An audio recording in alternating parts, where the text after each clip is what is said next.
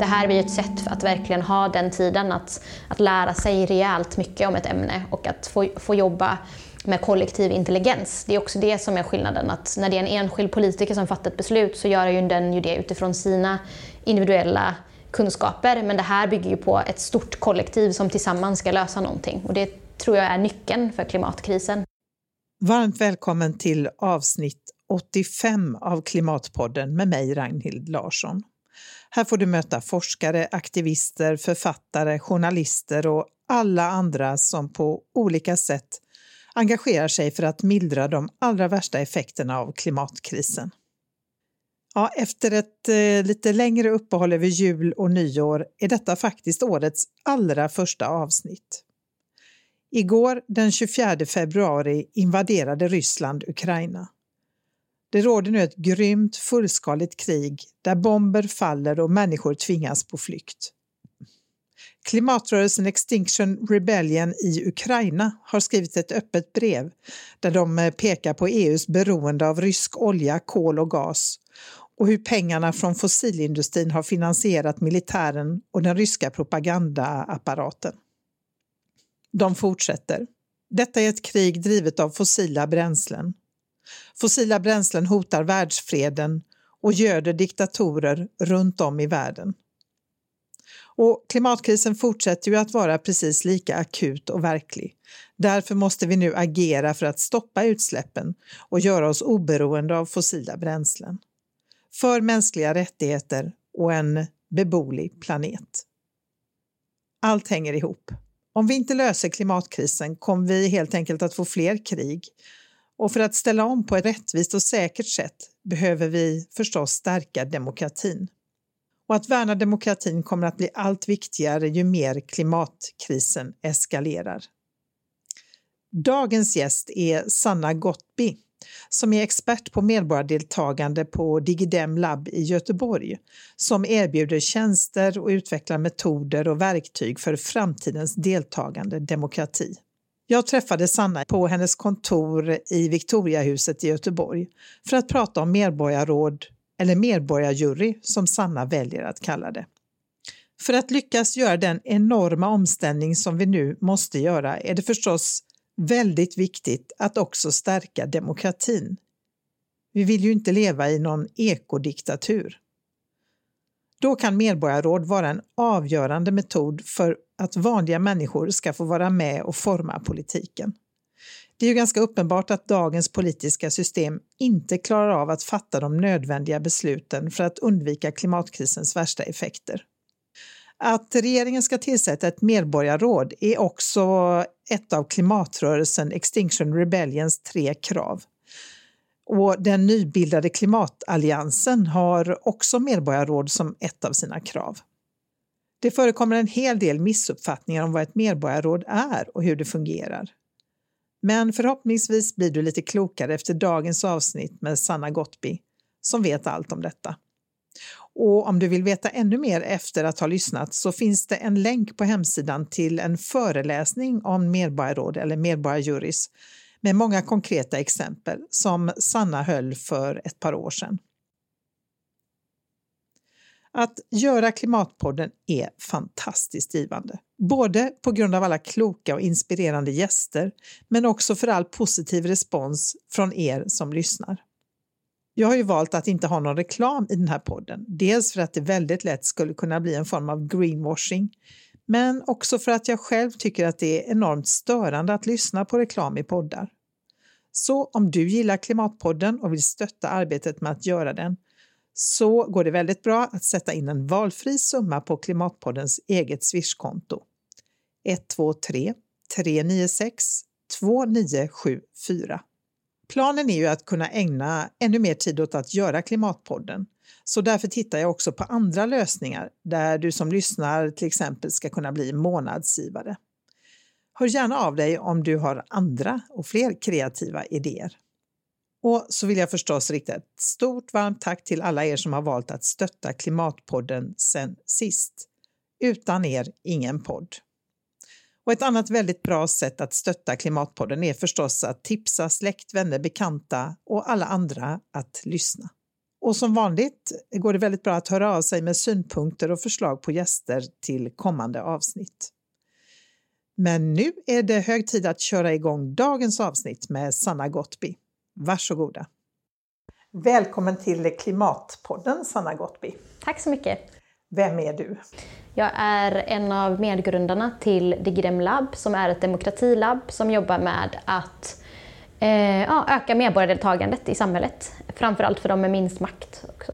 Mm. Och varför är det viktigt?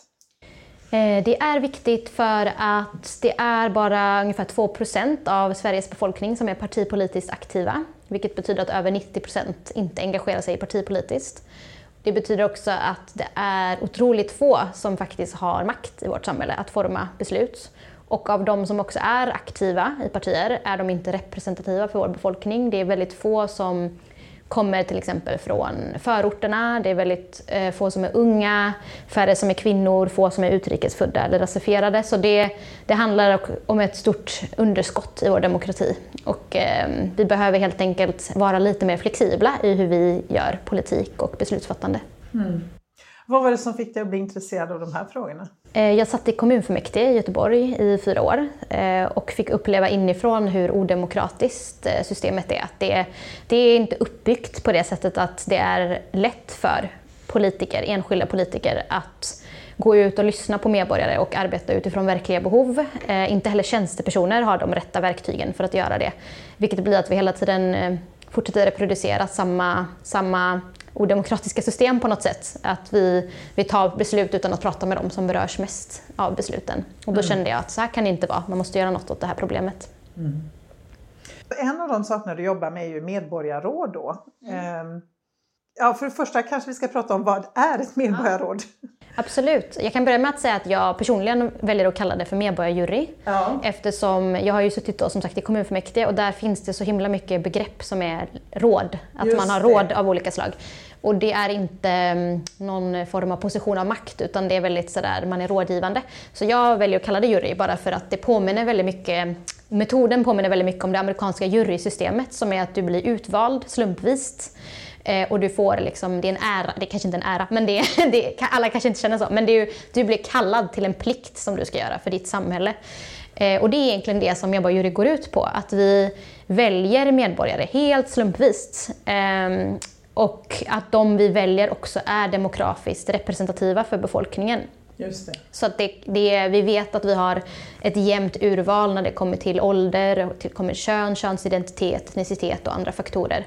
Och att de medborgarna som man, man har gjort det här urvalet då, de ses under en längre tid, eh, ungefär ett halvår upp till ett år och får bli experter på ett ämne genom att de lyssnar på en bredd av olika eh, människor som till exempel forskare, civilsamhällsrepresentanter, tjänstepersoner och andra och verkligen sätter sig in i ett ämne innan de tar fram rekommendationer. Och att det är en väldigt mycket en deliberativ metod som bygger mycket på eh, diskussionsmetoder där man lär sig kritiskt tänkande, eh, man, man öppnar upp sitt sinne och tänker nytt helt enkelt.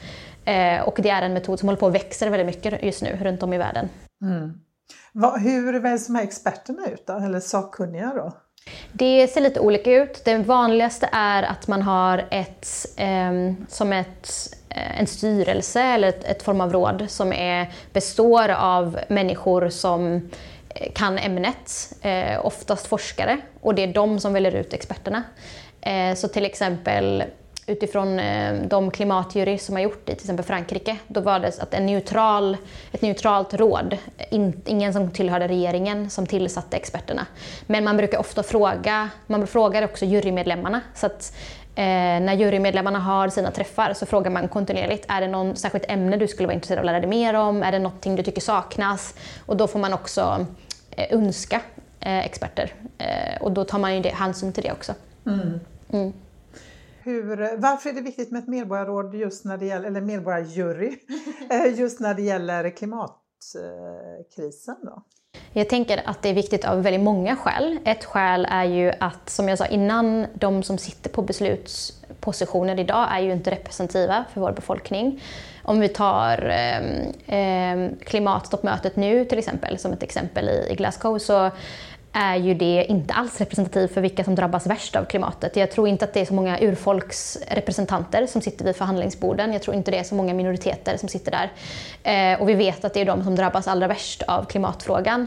Och det är ju i grund och botten det som metoden handlar om. Att vi vet att vi från början har en representation av alla parter. Att vi vet att Eh, vi har människor från, som, som kommer från alla olika klassbakgrunder.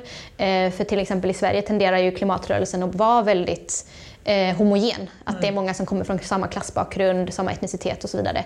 Och det är ju det som är väldigt viktigt i den här frågan för det drabbar ju folk olika beroende på vad man har för bakgrund.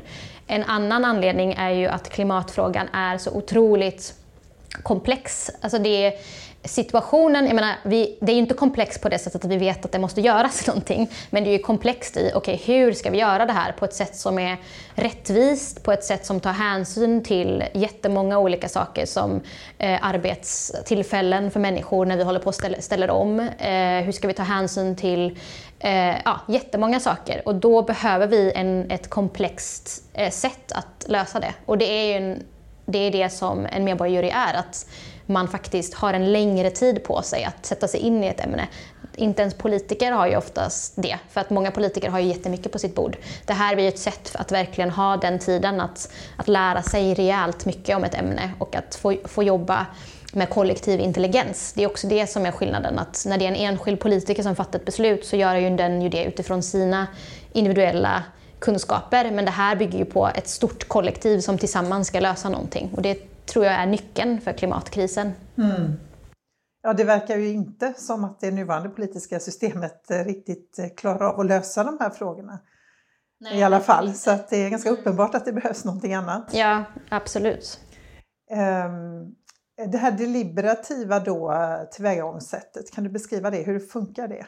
Om man ska ta ett konkret exempel så brukar det vara så att Eh, den här, när den här juryn har blivit tillkallad, att de har blivit utvalda, eh, så ses de oftast under ett antal helger. Och då lyssnar de på, det brukar börja som att de eh, har experter som inleder och håller föredrag, eh, kortare presentationer om ett ämne.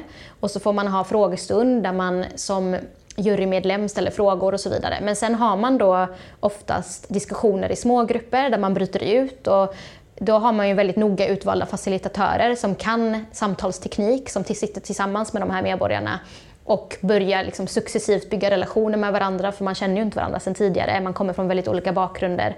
Att försöka se varandras perspektiv, att försöka ta in det man har lärt sig från experter. Att öka successivt sitt kritiska tänkande. Eh, jag ska ta bara ett exempel från Frankrike hade en klimatjury eh, nyligen och det har skrivits en del om det i bland annat DN. Och där intervjuade man en person som hade blivit utvald till klimatjuryn som var ja, men en något äldre man som kom från landsbygden och han kände väl att innan han ingick i den här klimatjuryn så trodde inte han att klimatförändringar var någonting orsakat av människan utan han var väldigt kritisk till det. Och efter att ha gått igenom den här processen av att verkligen sätta sig in i en fråga, att få höra från väldigt olika människor, att sitta och diskutera med sina medmänniskor, att successivt bygga upp kunskap, att, att hela tiden, för varje, för varje helg man ses så ökar man ju upp sin kunskap. Och att få leta fram information själv, att få önska experter och så vidare. Hela det här tillvägagångssättet fick ju han, honom då att ändra sitt synsätt till att oj, okej, okay, klimatförändringar är visst orsakade av människan. Och nu är han ju en klimataktivist, nu är han ju engagerad. Ja, det är fantastiskt. Ja. Jag tror jag läste det där och det var till och med så tror jag, att när han blev tillfrågad så sa han nej, men jag kan inte vara med nej. för att det är ingen idé, jag tror inte på det här med nej. klimatförändringarna. Ja, ja, och då sa de det är ju därför du behövs. Ja, för vi det. behöver sådana som du som liksom, eh, representerar det perspektivet. Vi kan ju inte bara ha personer som redan är engagerade. Liksom. Nej. Mm. Eh, för jag tänker det är väl också en, en poäng med Medborgarrådet att de här personerna som är där, de har inget intresse av att bli omvalda. Alltså man får ju ganska ofta mm. höra att eh, politikerna i dagens system, eller i det parlamentariska systemet vi har nu, de vågar liksom inte föreslå det de kanske mm. tror egentligen krävs. För de tänker att det är för impopulärt, så då blir inte jag omvald. Sen kan jag i och för sig tro att det är tvärtom, att vi vill höra politikerna mm. tala klarspråk. Mm. Eh, men det finns liksom inget eh, egenintresse för de här personerna. Att, eller det, det, är inte, inte uppbyggt så. Att Nej. De liksom... Nej men exakt, det är ju det det handlar om. att det Eh, det handlar ju inte om att ragga röster, det handlar ju bara om frågan och ingenting annat. Vad är det logiska? Det är ju det det handlar om. Det handlar om logik. Och eh, som jag tar ett annat exempel, i Irland hade man en det var, de var liksom en av de första i Europa som, som började jobba med den här metoden.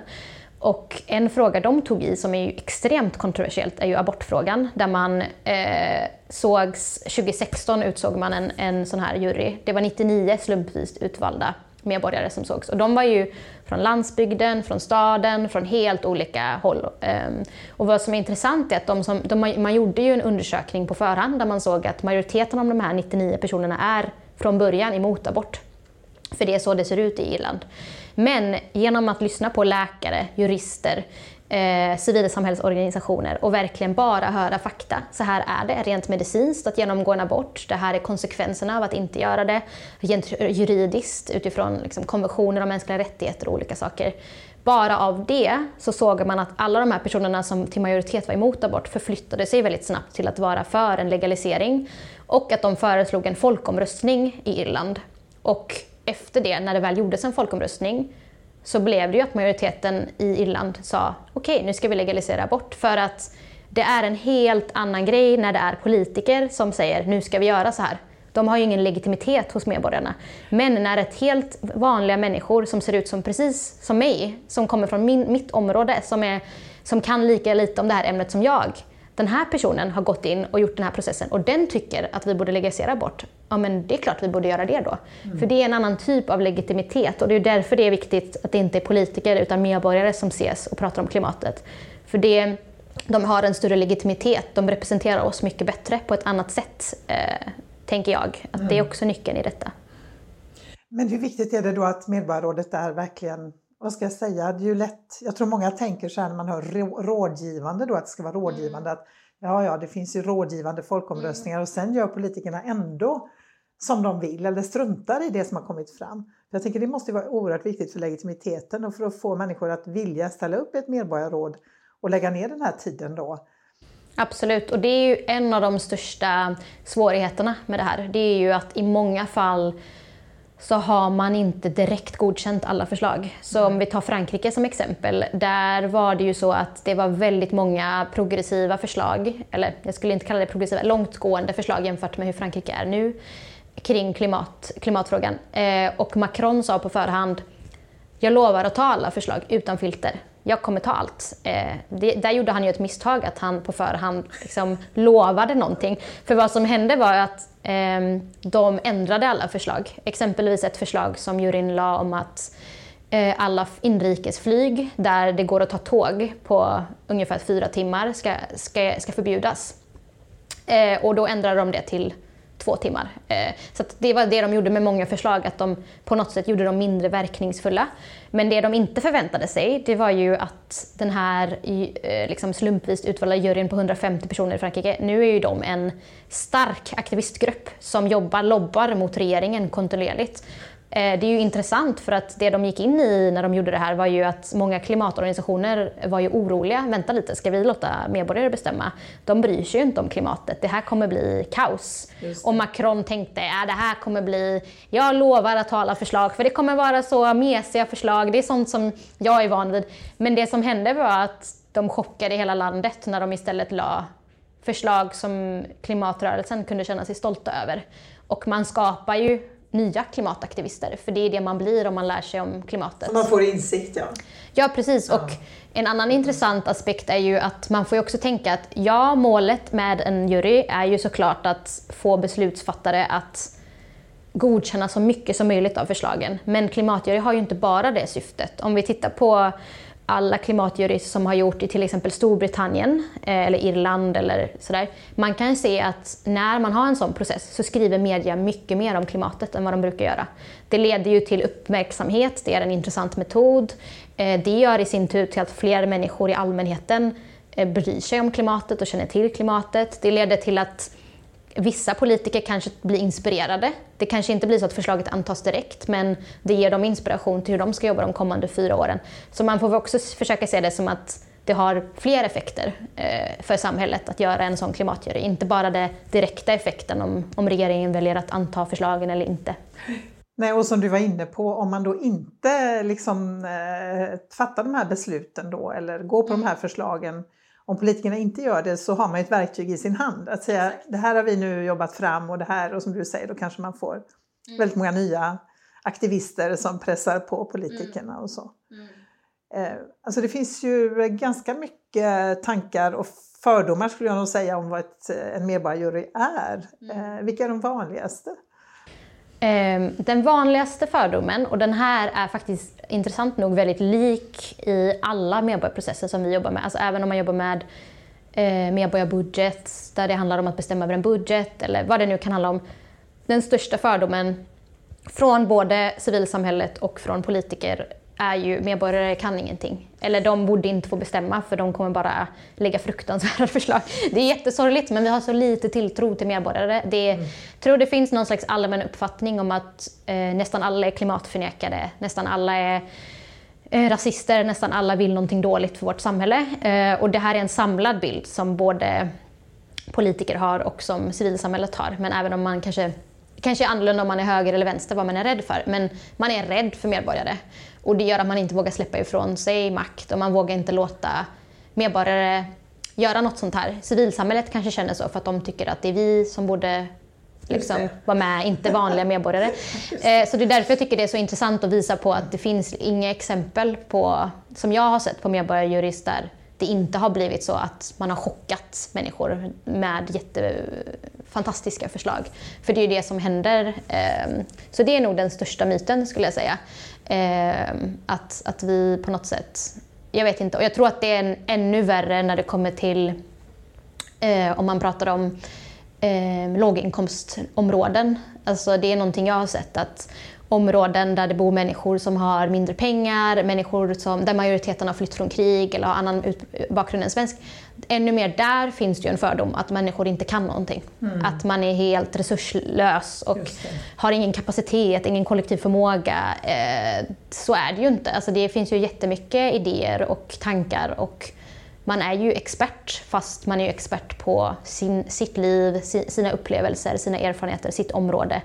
Och jag tror att det är det som är nyckeln, att man behöver på något sätt inse att eh, att vara expert betyder inte att man måste ha en akademisk utbildning. Eh, att man måste vara anställd på staten. Det kan ju vara att man är expert på sitt sätt. Eh, så det tror jag är den största fördomen som vi behöver lära oss att ändra på på något mm. sätt. Ja, för jag tänker ofta har man den där, de där tankarna kanske omedvetet till och med. Alltså man inte ens, eh, de kanske inte ens är uttalade. Mm. Som gör att man tänker, men gud, vi, den här lilla gruppen, vi vet ju, men de mm. där, de har väl ingen koll. Mm. Så det är väldigt, men det är ju det som också tänker jag, skapar den där större legitimiteten då. Mm. Eh, när det är det här representativa urvalet. Exakt. Eh, alltså det finns ju också någon föreställning om att det skulle vara odemokratiskt därför att eh, ja, de här personerna är inte valda då i ett traditionellt val. Mm. Ja, det är också klassiskt. Det, det är så lustigt tycker jag när man får de här fördomarna. Eh, att folk, folk alltid är så här... De, på något sätt så sätter ju människor väldigt mycket större press på direktdemokratiska metoder än på representativa. För jag menar, det, vi får väldigt ofta höra va? Deltog det bara 100 000 människor av en miljon? Det är ju ingenting. Ja, fast det är ju mycket mer än 50 politiker som brukar delta i kommunfullmäktige-möten. Det är ju mycket, det är ju mer. Liksom. Eller som i fallet medborgare, det är ju mer representativt. Och det är ju inte så att man ersätter det vanliga politiska systemet. Eh, det finns ju fortfarande kvar. Det här är ju bara att det blir ett tillägg till det. det. Eh, och det ju, görs ju på olika sätt. I vissa, vissa platser, då tänker man ju i Paris till exempel, nu ska genomför, inför de en permanent funktion för medborgare vilket innebär att ungefär ja, var, vartannat år eller så, så byts de personerna ut som medborgarna och får en ny fråga. Eh, och det är väldigt intressant för det kommer innebära att vem som helst i Paris kommer kunna aktivera en fråga och säga jag vill att medborgarjuryn ska, ska diskutera den här frågan. Eh, eller så kan det vara politiker som initierar men där möjliggör man ju också för vem som helst att kunna kalla på juryn och, och be dem diskutera en fråga. Eh, men det är ju fortfarande att man gör det avsides till det ordinarie systemet, kommunfullmäktige. Eh, eller när man gör en klimatjury, det är ju fortfarande så att det sitter de vanliga politikerna som, som liksom jobbar med den här frågan, men de får det här komplementet. Och jag skulle säga att nu har jag ju bara varit politiker på lokal nivå, men jag hade uppskattat en jury så mycket när jag var politiker. För jag menar, det, det, jag var ju, fick ju inga pengar. Jag var ju del, eh, liksom, deltidspolitiker. De flesta är ju det, att man inte får så mycket pengar och så förväntas man läsa tusentals handlingar, man förväntas kunna allt om stadsbyggnadsfrågor, detaljplaner, sociala frågor, klimatfrågor. Och det är ju ingen som kan allt det där. Så det är ju bara, tycker jag, önskvärt att det skulle finnas en expertgrupp av medborgare som också kan tipsa en och ge en rekommendationer och hjälpa en lite i hur man ska tänka. Mm. Ja, men jag tänker också så att de borde, politikerna borde verkligen välkomna detta med en öppen famn. Liksom. Ja. Vi får stöd i den här jättekomplexa frågan som mm. klimatfrågan ju är. Mm. Um, men hur ser reaktionerna ut, alltså hur ser eh, åsikterna ut om medborgare i Sverige? I Sverige, ja, där har vi ju, för att ja, jag personligen har ju liksom jobbat med den här frågan nu ska vi tänka fem år kanske. Alltså det var när jag var i Madrid och då jobbade jag med Madrid kommun och tog fram en medborgarjury där.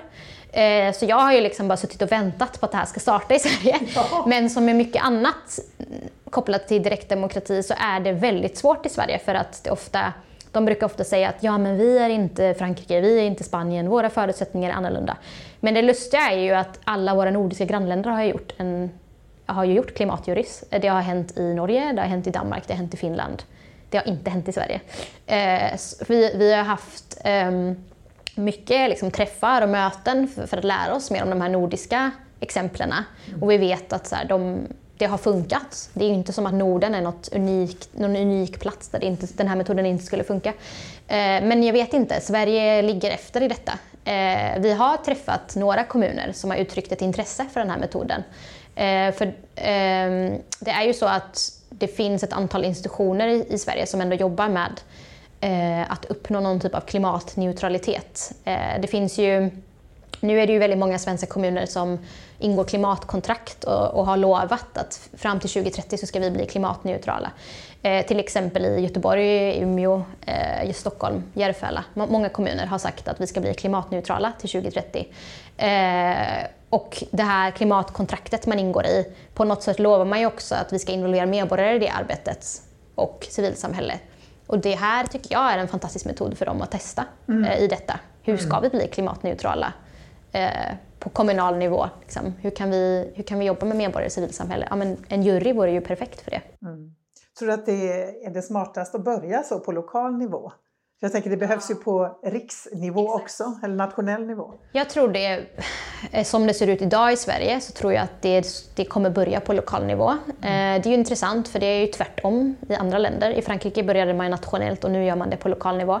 Men jag tror inte vi har de förutsättningarna just nu för att göra det på riksnivå. För att, eh, eller förutsättningar, snarare politisk vilja. För att i Frankrike så började det ju med gula västarna som protesterade och det nästan tvingade ju in dem i att göra en nationell klimatjury. Mm. Ehm, och det, det, var ju ett något medvetet val och jag menar det är ju ofta så att det är politiker som initierar. Ehm, inte för att det måste vara så, men, men det jag har sett i Sverige är att det krävs väldigt mycket för att man på riksnivå skulle göra något sånt här. Och jag tror att nu kommunerna ligger så nära med detta. Det börjar bli så populärt med detta. Jag tror att vi om vi jobbar tillräckligt hårt så skulle vi kunna få en kommun att börja göra det och det kan inspirera fler. Ja. Men var, varifrån, eh, vad är man rädd för eller varför är man så negativt inställd till detta på nationell nivå då, tror du? Jag tror det mer, mer att det handlar om eh, en vana. Jag tror att kommuner är mycket mer vana med medborgardialog. Mm. Att det är, om vi tittar på medborgarbudget till exempel, som jag har jobbat med eh, rätt mycket, det har ju, inte, det har ju bara gjorts på kommunal nivå. Eh, jag tror att det handlar mer om att vi har eh, färdiga eldsjälar i många kommuner som redan är sålda på att man ska jobba med medborgardeltagande. Man har redan byggt upp strukturer för medborgardialog och deltagande på lokal nivå, kommunal nivå. Man, ofta, de flesta kommuner har ju medborgarförslag till exempel. Man har ändå förståelse för vad det handlar om. På riksnivå så finns inte riktigt det. Vi har ju inga, många länder har det, men Sverige har ju inte det på riksnivå, medborgarförslag. Eh, det har ju varit många som har pushat för att det ska bli, men än så länge är det ju inte så. Eh, så jag tror att det är, vi är lite längre ifrån det där demokratitänket på nationell nivå. Mm. Men vad är det som är så unikt med Sverige då, när det gäller det som är unikt med Sverige och som gör det väldigt svårt att, att jobba i Sverige, skulle jag säga, när, när det kommer till medborgardeltagande, det är ju att vi har en väldigt stark tillit till staten. Eh, och det grundar sig i den här det historiska i att vi har varit ett starkt välfärdssamhälle eh, där väldigt många har blivit tillgodosedda, alltså fått sina behov tillgodosedda av staten. Mm. Och då är det inte så konstigt för då tänker man att ah, staten fixar det här. Det såg vi ju nu under pandemin att det var det, var det som var vår strategi, att, att jobba med restriktioner för att man litar på att medborgarna skulle lyssna. Eh, till skillnad från andra länder i hur man jobbar.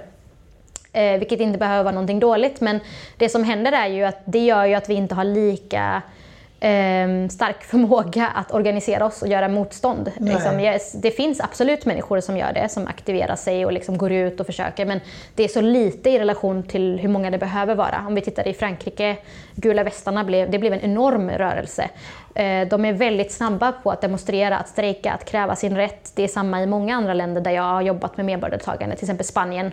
Spanien hade man ju en massrörelse som miljoner människor gick ut för att eh, liksom, kritisera eh, olika eh, saker som händer kring arbetslöshet, korruption och sådär.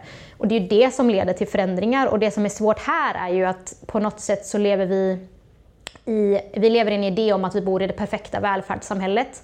Fast det är det ju inte, för vi har ju långsamt, kan man säga, har ju vår välfärd försämrats och vi lever i väldigt parallella samhällen där det finns människor som har Eh, som är väldigt mycket så här, jag kämpar för att komma in i arbetsmarknaden men jag blir utpushad ur arbetsmarknaden. Eller jag har, går i en skola där det knappt finns eh, lärare till, för att se, se till liksom, mina behov. Eh, det finns så mycket som gör att jag inte kan ta mig upp i livet eller liksom ens tillgodose mina behov. Samtidigt så, så, tror alla andra att vi lever i det här perfekta paradiset. Då krockar ju de verkligheterna med varandra. Mm. Eh, Medan i Frankrike, Spanien, Storbritannien så finns det en kollektiv förståelse av att vi, vårt samhälle är inte perfekt. Vi behöver förbättras. Eh, och, och, det gör ju det jättesvårt att jobba med de här frågorna. Mm. När folk inte efterfrågar deltagande i demokrati. För de är så här, ja men jag är nöjd för jag tycker det är bra i Sverige. Eh, fast egentligen vet vi att det inte är så. Det, för det finns grupper som inte tycker Nej, det. Nej, liksom. precis. Och det är ju samma på klimat, när det gäller klimatkrisen. Att vi, vi, dels lever ju många i föreställningen om att vi är jättebra här. Vi behöver mm. nästan inte ändra någonting. Och, eh, och just den här då idén om att det här får politikerna lösa. Ja, det räcker att jag går och röstar vart fjärde år. Så det är väl mm. den insikten. Man måste liksom förstå att om inte vi gör någonting som medborgare mm Eh, och blir mer aktiva som medborgare. Tänker jag. Och det är, då, då kommer ju ingenting att hända. Alltså det är jag verkligen fullständigt övertygad om. Nej, och sen har jag ju full förståelse att det är jättesvårt att bara kastas in i beslutsfattande när du aldrig har lärt dig det. Om man tänker ett barn som går i skolan eh, du går i skolan, din lärare fattar beslut åt dig, mm. eller rektorn. Liksom, det är inte du som fattar stora beslut. Sen går du in i arbetslivet, du har en chef som fattar beslut och sen i politiken har vi utvalda representativa politiker. När fattar du egentligen samhällsbeslut? Det gör man ju väldigt sällan. Man fattar ju beslut såklart personligen i sitt egna liv men det är ju sällan man behöver ta hänsyn till stora ekonomiska frågor, samhällsfrågor. Så vi lär oss aldrig att göra det. Och det enda sättet vi kan lära oss är ju att testa oss fram eh, för att bli mer informerade och förstå mer om hur vårt samhälle fungerar. Och det är också det som gör att det blir, man har mer förståelse för andra som har i andra situationer också. Mm. Och jag tänker det skapar också en väldig uppgivenhet mm. när man känner att man inte kan påverka. Ja, ja absolut. Så det är eh, viktigt ur den aspekten också. Ja, jag tror det finns någon idé om att eh, ja, men folk dök inte upp på det här dialogmötet. Det är för att de inte bryr sig. Nej, men det handlar väl snarare om att de har gett upp för länge sedan. Mm. Att de vet att de inte blir lyssnade på, eh, tänker jag. Att särskilt vissa grupper, historiskt marginaliserade grupper, som, som absolut blir eh, utpushade i alla sammanhang. Och då tänker man väl, varför ska jag ens delta? Vad är poängen? Mm. Men alltså i de här, du sa bland annat i de nordiska länderna då så har, eh, har man använt medborgarjury. Har det lett till några radikala förslag som har liksom förändrat någonting? Eh, skulle se, det är svårare att säga med de nordiska länderna för det är väldigt nya exempel. Ja, så okay. att de gjordes i år och mm. förra året. Så de, än så länge, eftersom det var så nyss så har inte förslagen blivit eh, färdigbedömda än av eh, tjänstepersoner och politiker. Men om jag ska ta andra exempel så har ju Irland till exempel, de gjorde en eh, klimatjury för ett par år sedan. Och ett konkret förslag som har skett efter det, det är ju att medborgarna tyckte att det skulle finnas en självständig funktion på regeringsnivå som specifikt övervakar regeringen sett till klimatfrågor och kan ställa dem till svars om de inte gör sitt jobb. Och det har gått igenom, att det ska finnas en sån funktion. Eh, det har också gått igenom att man ska ha eh, skatter på koldioxid eh, som var rätt kontroversiellt för att man trodde inte att det var så många från landsbygden som skulle vilja ha det. Men det var ändå folk som pushade för det. Eh, så det har ju skett väldigt mycket inom, och också inom, väldigt mycket inom jordbrukssektorn och sådär. Eh, ett annat positivt exempel är att man gjorde en klimatjury i Oxford på lokal nivå. Och det blev ju ett jättekonkret resultat att eh, man tillsatte en Climate Emergency Budget som man kallar det. Eh, att man dels er, erkände att vi är i en klimatkris och man tillsatte en särskild budget för att lösa klimatkrisen eh, och att göra det liksom nollutsläppsbudget kan man kalla det. Eh, så det har ju ändå varit många exempel där det har hänt saker ja. skulle jag säga. Ja. Men det skrivs inte jättemycket om det. Eller det kanske du nej. upptäcker, men jag nej, nej. inte att jag ser jättemycket om det här. Det, jag håller med dig. Det, eh, jag blev ju glad när DN skrev om klimatjuryn mm. i Frankrike, men det är ju ett undantag. Jag tänkte på det i början av året när eh, på SVT hade de rätt mycket reportage om det här nya lagen om eh, inrikesflyg i Frankrike nämndes ingenstans att det här var något som kom från en klimatjury. Eh, så jag tror att man ofta tenderar att, ja, man lyfter kanske förslagen men man lyfter inte vart det har kommit ifrån. Eh, och jag tror att det dels handlar om att vi har många journalister i eh, som inte kanske har så mycket kunskap om direktdemokrati och medborgardeltagande. De kanske inte känner till att det finns och det är därför man inte skriver om det. Jag tror det handlar mycket om det. Mm. Jo, jag tänker de reportrarna som kanske bevakar politiken också mm. eh, har inte koll, men däremot eh, alltså kanske klimatreportrar har mer koll, men det är kanske inte de å andra sidan som skriver så mycket om just de här Ja, och jag tänker, alltså, i Frankrike finns det jättemycket journalister som ja. kan jättemycket om medborgardeltagande. Ja. För att det finns en annan uppbyggd kultur för att man har jobbat med det här nu länge i Frankrike. Det finns många som jobbar med deltagande. Så det rapporteras väldigt mycket om klimatjuryn, om alla klimatjurys på lokal nivå, medborgarbudgeten i Paris. Så pass att det, det till och med kommer på nationella proven som en fråga. Liksom, vad är en medborgarbudget? Vad är en medborgarjury? Men eh, i Sverige har vi inte riktigt det än. För att det är fortfarande något väldigt nytt för många människor tror jag. Mm. Men visst var det väl eh, Rebecca Lemoine och Lorentz Tovatt som la en motion om medborgarråd? Mm. Eh, hur har det gått för den? Eh, än så länge har det ju inte hänt något på den Nej. fronten. Det finns ju vissa politiker, även i Göteborg, som, som lobbar för det, att mm. man vill ha det. Men än så länge är det ju ingen bred majoritet. Vi har ju ett år till valet, så vår förhoppning är ju att man ska, kanske genom den här podden bland annat, att man ska ha möjlighet att sprida information och uppmärksamhet om att det här finns. Jag tror att det är många som inte... Alla jag träffar och berättar om eh, klimatjuryföra är ju det är helt nytt, man har aldrig hört talas om det. Så jag tror det, det är det det handlar om. För jag tror att det ändå är någonting som man över partigränser skulle kunna komma överens om. Att det här är något vi vill testa. Det behöver inte nödvändigtvis vara kopplat till ett enskilt parti. Nej, verkligen inte. Men jag funderar på en sak till. Alltså vad, när man då startar en sån här medborgarjury, vi säger i Frankrike nu då. Mm. Hur, alltså hur löd frågan de skulle lösa? Mm. För jag tänker klimatfrågan är så enormt stor och täcker så många områden. Det är en jättebra fråga. Det har ju varit olika i olika länder. I Frankrike hade man hur ska vi minska utsläppen med 40% till 2040 på ett sätt i andan av social rättvisa var frågeformuleringen. Där man, det var väldigt viktigt att få in det rättviseperspektivet. Eh, viss andra länder, Irland hade eh, hur kan Irland bli en ledare i att eh, hantera klimatförändringar, eller tackle climate change var det på engelska. Eh, så det är ju lite olika, man kan ju välja att formulera det på olika sätt. Antingen utifrån ett väldigt tydligt mätbart statistiskt mål eller att man gör det mer utifrån någon liksom väldigt visionär bild som man har. Och Eh, jag tycker det är väldigt intressant, de som då har valt att fokusera på just social rättvisa. Eh, de gjorde en klimatjury i Washington i år eh, för första gången. Eller det var den första i USA som har gjorts. Och jag tyckte det var ett väldigt intressant exempel för det Washington är ett område där det bor väldigt många urfolksgrupper, många liksom olika stammar.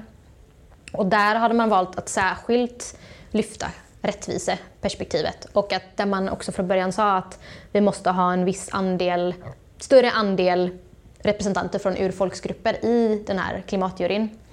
Och hela fokuset ska vara på just transition. Hur kan vi liksom göra det här på ett väldigt... Alltså vi måste vara väldigt måna om även de sociala frågorna i detta. Mm. Så det är lite ja, man kan ju ha väldigt olika inriktningar i det, den frågeformuleringen. Ja, för jag tänker den styr ju liksom vad som kommer fram. Exakt, verkligen. Men hur är det, man träffas ungefär under ett år va? Det, ja, det beror det väldigt mycket på. Olika. Det beror ju på hur, om det är på lokal nivå, nationell nivå, hur stor frågan är. Ja. Hur mycket kunskap det är man måste ta in. Ehm, men ja, ungefär så att man, man ses ungefär varannan helg under en längre period. För man måste hinna smälta den här informationen och, och bygga upp kunskap så att man kan ta välinformerade beslut och ta fram rekommendationer. Så då krävs den här tiden om man jämför med folkomröstningar där det är väldigt snabba puckar och du hinner inte sätta dig in i en fråga alls och du röstar om någonting och du vet egentligen inte vad du röstar på. Så det här är ju en rätt stor skillnad. Ja, verkligen. Mm. Ehm, men vad är det som motiverar människor att ställa upp då? För jag har förstått att man får liksom, man, man gör ett slumpmässigt urval och så mm. får då kanske jag får en fråga, vill du vara med? Så säger jag nej och då måste man hitta någon annan. Men vad är det som motiverar människor att ställa upp? Ja precis, så är det ju. Eh, och ibland blir man ju arvoderad eh, ja. också. Men det är ju inte så att du får jättemycket pengar utan det är ofta symboliskt. Och Nej, det ska inte du... vara pengarna som avgör. Liksom. Nej, och så blir du ersatt för förlorad arbetsinkomst ofta eller om man behöver barnpassning och sådana anpassningar. Bara så att det ska vara möjligt för dig att medverka egentligen men inte att det ska vara så pass mycket att det är ett motiv för att delta. Eh, men jag vet inte, jag tänker att de flesta personer känner väl att det här är något nytt. Eh, och att framför allt tror jag att man motiveras av att jag eh, betyder någonting. Min åsikt betyder någonting. Jag har reell påverkan. För om man tittar på vanliga medborgardialoger som är kanske något möte. Eh, man är så van vid att okej, okay, jag vet att om jag går dit, jag lägger min tid, ingenting kommer hända, jag kommer inte få någon feedback det, det, är inte intressant. Det som är intressant är ju reell påverkan. Möjligheten att, att ha, ta beslut eh, eller ge rekommendationer som faktiskt politiker kan lyssna på. Eh, det är ju det som tilltalar människor. Eh, att det är, det är något häftigt. Ehm, till exempel så har mina kollegor kom nyligen tillbaka från Strasbourg där de var för att facilitera en eh, klimat, eh, eller inte klimatjury, en medborgarjury på eh, EU-nivå som är på gång just nu. Då har man ju 800 personer som är slumpvis utvalda från alla EU-länder. Så det är ju 24 olika språk som är wow. närvarande. Och det är fyra eh, separata råd utifrån teman och ett är klimatfrågan. Eh, och där till exempel så var det ju många som tilltalades av att oj, vi är i EU-parlamentet och har de här mötena. Eh, att bara att wow, jag får vara på den här platsen som betyder så mycket. Eh, det, det, här har jag aldrig fått stiga in innan. Jag har aldrig betytt, alltså jag är ingen speciell person. Liksom. Det var, kanske, det var en, en äldre kvinna i åttaårsåldern från Frankrike som grät när hon kom dit för att hon kände så här, gud, jag är här. Jag, folk tycker min åsikt betyder någonting. Ja, för det andra du pratar om medborgardialog, det tänker jag ligger också då i eh, alltså att många kopplar ihop det kanske då när man inte riktigt vet vad en medborgarjury är, en medborgarråd. Eh, så att man tänker att det är någon form av skendemokrati då. Alltså det är lite så här, du måste fråga människor vad de tycker och så gör man det på ett lite så här pliktskyldigt sätt. Men det betyder ingenting egentligen. Och har man gjort några gånger så tappar man ju all tilltro till den typen av processer, tänker jag. Ja, ja, exakt. Det är ju en helt annan känsla att, att bli så här eh, transporterad till ett eh, officiellt EU-parlamentet, jag vet inte, parlamentet och du sitter där och folk har duk dukat upp mat till dig och de lyssnar på dig och du betyder något och du under en längre period satsar de på dig och dina, liksom, de du, du är där med och verkligen du lyfts upp som en expert i detta. Det är en helt annan känsla än att välkommen, kom till det här mötet, vi ska informera, du ska lyssna. Det är en annan känsla. Mm. Eh, vad skulle du säga, vad krävs då för att ett, en medborgarjury ska lyckas i sitt arbete? Alltså vad är det för faktorer man behöver ha på plats? Eller? Um, det, ja, det, är ju, det är ju väldigt resurskrävande, måste man ju säga. Så det krävs ju, dels så är det ju väldigt viktigt att det är en neutral organisation som genomför och faciliterar hela processen. Att det inte ska vara regeringen eller kommunen, för att då blir det ju inte Risken blir då att de, de väljer experter ur, ur det de vill ska hända. Utan det är väldigt viktigt att det ska vara på neutral mark så att säga. Även om det är viktigt att de på något sätt är avsändare att de lovar att vi ska ta till oss av era rekommendationer, eh, att på förhand ha tänkt till kring beslutsmandatet i detta. Hur kommer vi se till att vi faktiskt lyssnar på de här rekommendationerna? Kan vi på förhand lova att politiker kommer ställa upp på att genomföra många av de här förslagen, även om de inte vet vilka förslag det kommer bli. Eh, men sen är det väldigt viktigt att, som sagt, det är någon som har eh, neutral eh, mark kan genomföra den här processen. Och där är det ju viktigt att man till exempel man har resurser för att rekrytera. Det är ju väldigt resurskrävande att rekrytera personer. Man måste ju ringa runt jättemycket, eller ja, hur, man, hur man nu väljer att göra det. Och att man behöver jobba väldigt mycket statistiskt utifrån demografiska perspektiv och det är ju anpassar mig efter lokal situation och sådär. Och sen alla de här stora frågorna kring frågeformulering, hur, vad ska vi ha för inriktning, hur ska vi designa det här? Eh, och det är ju liksom, som sagt i samarbete då med organisationer på plats och sådär. Eh, så det är ju väldigt det är ju resurskrävande i det i liksom hur man väljer att genomföra det, hur man planerar det och så vidare.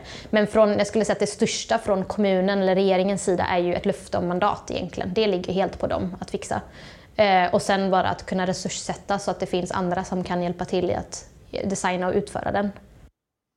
Vad krävs då för att det ska bli verklighet? Eh, jag tänker att det krävs några första modiga, eh, innovativa eh, politiker, tjänstepersoner som är redo att vara den första i Sverige som testar det. Eh, för det är det vi har sett med andra deltagande demokratiska metoder, att det behövs en, en första best practice eller första exemplet egentligen. Det behöver inte vara så att det första pilotexemplet är det bästa. Att det är nu kör vi hela landet, utan det räcker att ja, men Göteborgs stad känner nu satsar vi på det här nästa år. Eh, de väljer att köra. Det räcker för att sprida någon slags känsla av att åh, nu vill fler kommuner, de vill inte vara sämre. Så att jag tror det är det enda som krävs egentligen, att man hittar rätt rätt personer som är redo att göra det och att det finns en politisk vilja att faktiskt avsätta ett mandat till det här. Men hur ser den politiska viljan ut här i Göteborg då? Eh, ja, men jag har pratat med flera politiker som tycker att det verkar som en intressant metod. Eh, och jag har pratat med tjänstepersoner i Göteborg som vill jobba med metoden. Så jag tror ändå det finns förutsättningar. Men sen så, ja, det är ju långsamma processer i kommuner så jag tror inte att det kommer hända nästa år. Men men jag tror ändå att det kan vara på gång, att det finns en vilja, att det finns ett intresse. Om det är polit- eh, kommunrepresentanter som lyssnar nu så får ni gärna höra av er. För eh, vi hade en, en workshop nyligen där vi bjöd in massa eh, personer för att prata om klimatjury. Och då kom det flera kommuner, eh, men även myndigheter som Vinnova till exempel, som är en innovationsmyndighet, som också har uttalat att de gärna kan tänka sig att finansiera en klimatjury. Om det ja, finns en kommun som vill vara först med att testa ja. den. Eh, så att om det är någon som lyssnar så hör av, ja, hör av er. Eh, för jag tror ändå det jag tror att så här, det kan låta övermäktigt men det viktigaste är att testa. Man lär sig genom att testa. Och att jag tror att man Eh, bara ska våga, inte vara så rädd för det. Eh, såklart är det viktigt att man gör det på rätt sätt så att man inte minskar tilliten. Men så länge man har den viljan så tror jag att det kan bli bra. Mm. Och det finns en massa kunskap eh, om det här, hur man gör och det har gjorts på andra ställen. Djur, Exakt. Det är ju en beprövad, vetenskapligt beprövad metod så det är inget det finns ju jättemycket fakta, det finns jättemycket resurser kring exakt hur man ska gå tillväga. Så det är, även om det känns som att det här är en jättestor grej så, så tror jag att alltså det behöver inte vara så svårt. Nej. Man bara har viljan. Viljan och tilltron till människors ja. Eh, förmåga. Ja, precis. Verkligen. Mm. Till sist skulle jag vilja höra lite grann, vad är det som driver dig att hålla på med det här? Som får dig att liksom gå upp på morgonen och gå till jobbet och fortsätta med de här frågorna? Ja, jag, jag hade ju Tidigare hade jag engagerat mig väldigt mycket i sakfrågor. Till exempel att jag jobbar mycket med asylrättsfrågor och sådär. Och det, det, var, man blev så trött för att det var allt att man stötte på samma hinder, strukturella hinder i eh, beslut. Hur, hur eh, liksom det demokratiska systemet ser ut. Och då kände jag att men det är det som driver mig, att jag vill jobba mer på en strukturell nivå i att förändra eh, hur beslutsgångarna går i vårt samhälle. För jag tror att gör vi det så kommer det hjälpa alla frågor, inte bara klimatfrågan. För att eh, om vi ändrar, skiftar hela vårt sätt att se på varandra, att se på medborgare, att se på vårt samhälle och, och mer att tänka utifrån att de som påverkas mest måste sitta vid förhandlingsborden. De som, det är de som kan mest utifrån deras perspektiv. Eh, det driver mig så mycket för att jag ser hela tiden dagligen blir jag frustrerad över att det tas beslut över människors huvuden. Eh, dåliga beslut som bara gör det sämre i vårt samhälle. När det egentligen finns jättemycket kunskap där ute kring vad vi behöver göra för att alla ska ha det bra. Eh, får vi till det, liksom, ja, det låter väldigt stort att ändra hela strukturen för hur vi fattar beslut, men får vi till det så tror jag att eh, det är nyckeln till att få ett bättre samhälle. Eh, så det driver mig. Tack så jättemycket för att jag fick sitta här och prata med dig en stund om detta. Tack, det var jättekul att vara med.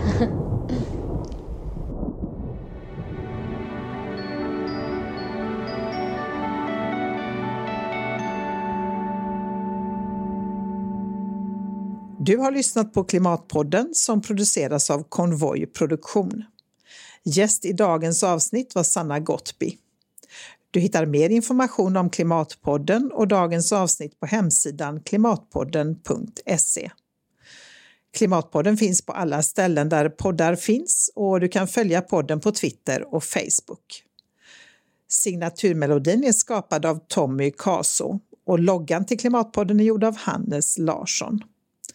Om du vill stötta arbetet med podden är du varmt välkommen att swisha valfri summa till 123 396 2974.